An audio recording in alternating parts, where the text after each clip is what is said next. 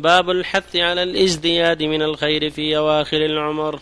قال الله تعالى أولم نعمركم ما يتذكر فيه من تذكر وجاءكم النذير.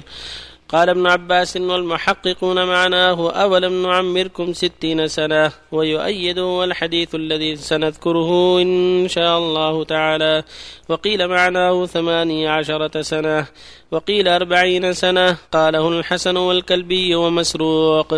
ونقل عن ابن عباس رضي الله عنهما أيضا ونقلوا أن أهل المدينة كانوا إذا بلغ أحدهم أربعين سنة تفرغ للعبادة وقيل هو البلوغ. وقوله تعالى وجاءكم النذير. قال ابن عباس والجمهور هو النبي صلى الله عليه وسلم. وقيل الشيب. قاله عكرمة وابن عيينة وغيرهما. والله أعلم.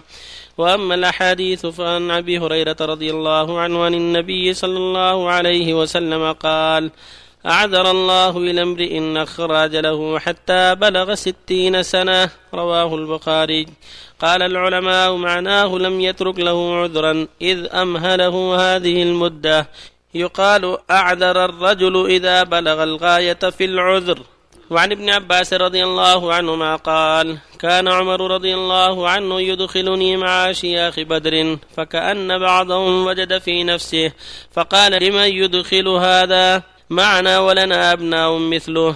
فقال عمر إنه من حيث علمتم فدعاني ذات يوم فأدخلني معهم فما رأيت أنه دعاني يومئذ إلا ليريهم. قال ما تقولون في قول الله تعالى إذا جاء نصر الله والفتح فقال بعضهم أمرنا نحمد الله ونستغفره. إذا نصرنا وفتح علينا وسكت بعضهم فلم يقل شيئا. فقال لي كذلك تقول يا ابن عباس. فقلت لا. قال فما تقول؟ قلت هو أجل رسول الله صلى الله عليه وسلم.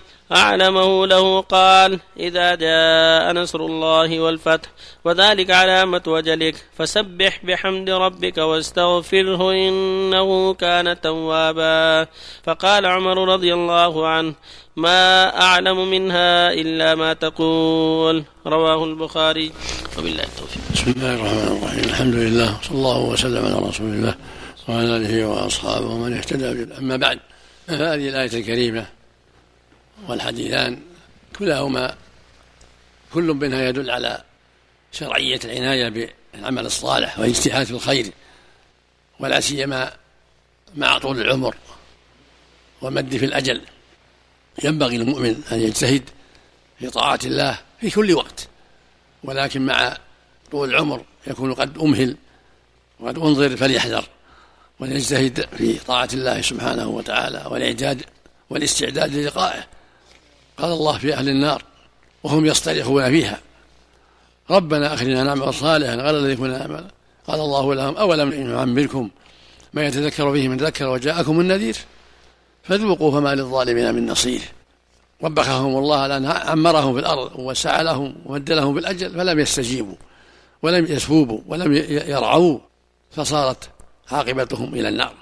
أولم نعمركم؟ يعني مدة طويلة. فيها إمهال فيها لكم فسحة ولكنهم أصروا على باطلهم واستكبروا عن اتباع الحق. فجدير بالمؤمن ألا يتشبه بهم وأن يغتنم الفرصة في ما أعطاه الله من المدة فيعمل. قال الأكثر في معناها نعمركم ستين سنة. قال النبي صلى الله عليه وسلم أعذر الله إلى امرئ بلغه ستين سنة. يعني قد أبلغ العذر في أن أخر أجله حتى بلغه ستين سنة. فكيف بمن يعمر أكثر من ذلك؟ وقال بعضهم معناها أربعين سنة. قال بعضهم ثمانية عشر سنة والآية مطلقة فيها توبيخ لمن مات على الباطل وقد عمر وأمهل ولم ينتفع بالمدة ولم يرعوي والواجب على كل مكلف أن يهتم بهذا الأمر من الرجال والنساء وأن يزداد في العمل الصالح كلما زيد له في الأجل وليستعد وليحذر أن يهجم عليه الأجل وهو على غرة وعلى تفريط. وكان عمر رضي الله عنه يجتمع بالصحابة ويتذاكرون في معاني القرآن وفي السنة وفيما شرع الله لهم. وكان يدخل ابن عباس معهم. وابن عباس كان شابا. مات النبي صلى الله عليه وسلم وهو ابن عشر سنين. وتوفي عمر رضي الله عنه وابن عباس بثلاث وثلاثين سنة. وكان يدخله مع الأشياخ في المذاكرة. فقال بعضهم لما يدخله ولنا أولاد مثله؟ وكان عمر أدخله معه لما أعطاه الله من العلم لأن الله قال اللهم علمه الكتاب اللهم فقهه في الدين. فكانت له دراية وعلم بكتاب الله وسنة رسول الله وحفظ وكان نابغا في العلم في شبابه رضي الله عنه وأرضاه حتى صار الناس يفدون إليه من كل مكان يسالونه فسألهم عن قوله تعالى إذا جاء نصر الله والفتح ورأيت الناس يدخلون في دين الله أفواجا. فسبح بحمد ربك واستغفره إنه كان توابا. فقال بعضهم الله أمرنا إذا جاء النصر والفتح أن نكثر من التسبيح والاستغفار. قد نصرهم الله وفتح عليهم مكة. فأمروا بالشكر لله بالتسبيح والاستغفار. فقال ما تقول يا ابن عباس؟ قال إنها أجل رسول الله. إن الله نعى إليه نفسه. وإن الله اخبر ان إذا جاء نصر الله والفتح فقد قرب أجلك. فسبح بحمد ربك. يعني فذلك علامة أجله. فقال عمر لا أعلم منها إلا ما قلت.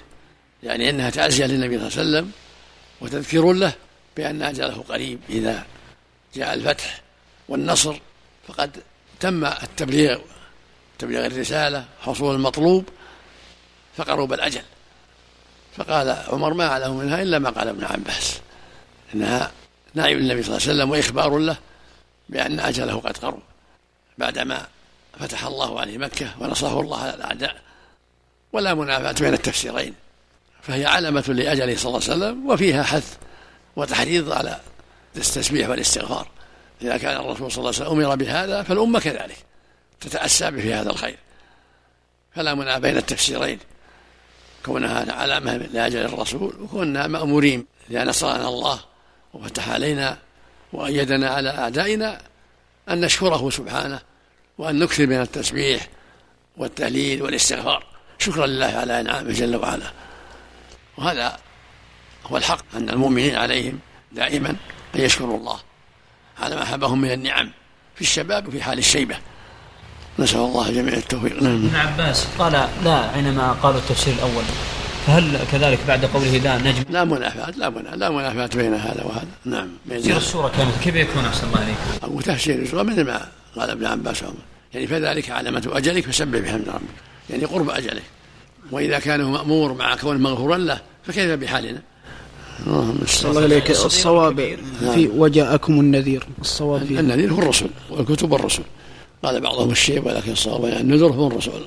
ونذيرنا هو محمد عليه الصلاة والسلام. أحسن عليكم يا شيخ، نعم. إذا اختلفوا بين ابن عباس ولا غير يراجع على ابن عباس؟ لا يرجع الأدلة الأخرى لتأييد هؤلاء أو هؤلاء، نعم. جزاكم الله خير، هذا السؤال يقول السائل ما صحة حديث آه، معناه قال رسول الله صلى الله عليه وسلم إن أمتي أمة مرحومة ليس عليها في الآخرة حساب ولا عذاب إنما عذابه في القتل والزلازل والفتنة ما أعلم ما بلغني ويسأل أيضا هل هل المرأة تغطي رأسها إذا قرأت القرآن؟ هو لازم. إذا كان ما عندها أحد إن غطت رأسها فلا بأس وإن قرأت رأسها مكشوف فلا بأس.